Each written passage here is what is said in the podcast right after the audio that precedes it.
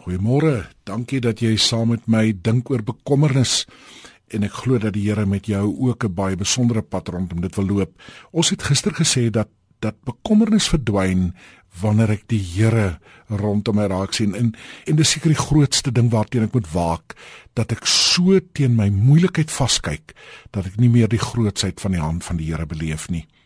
Vandag is 'n belangrike ontdekking op hierdie donderdag om te weet dat bekommernis eintlik vir my niks in die sak bring nie.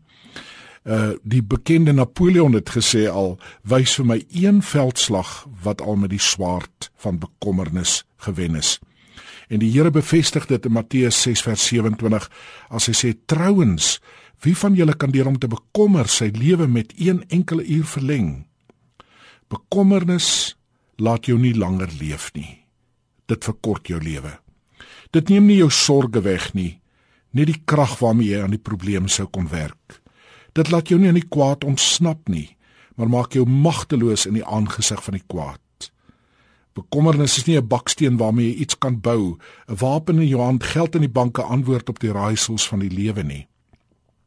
Ken jy iemand wat al iets reg gekry het of verander het deur hom of haar bloot daaroor te bekommer? Ek het so rukkie gelede by 'n ouete huis ingestap en ek sien toe hierdie pragtige tannie wat so op haar wiegstoel sit en wieg vorentoe en agtertoe en vorentoe en agtertoe en terwyl ek haar sien en dit was 'n vreeslike te mekaar oggend het ek haar haar rustigheid so beny en ek sou wat wou gee om op daai stoel te gaan sit maar ek stap weg en ek gaan doen my ding daar binne en toe ek uitkom toe sit sy nog steeds op die stoel en sy wieg vorentoe en agtertoe en skielik besef ek En was vir my 'n groot ontdekking in my eie lewe. Dis hoe bekommernis is. Dis iets om te doen, maar dit bring jou nêrens nie. Ons kla so dikwels oor ons tyd wat so min is en oor die lewe wat so vinnig verby ons verbygaan. Tog mors ons soveel ure, dae en uiteindelik maande aan die nuttelose handeling van bekommernis.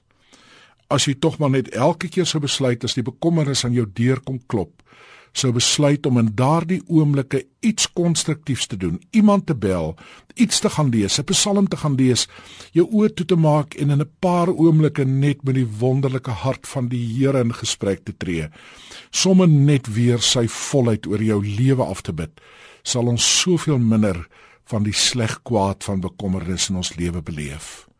Here, en in hierdie oomblik met die dag wat wag, wil ek u genade en u liefde en u sorg en u groot hart oor my en my mense afbid. Amen.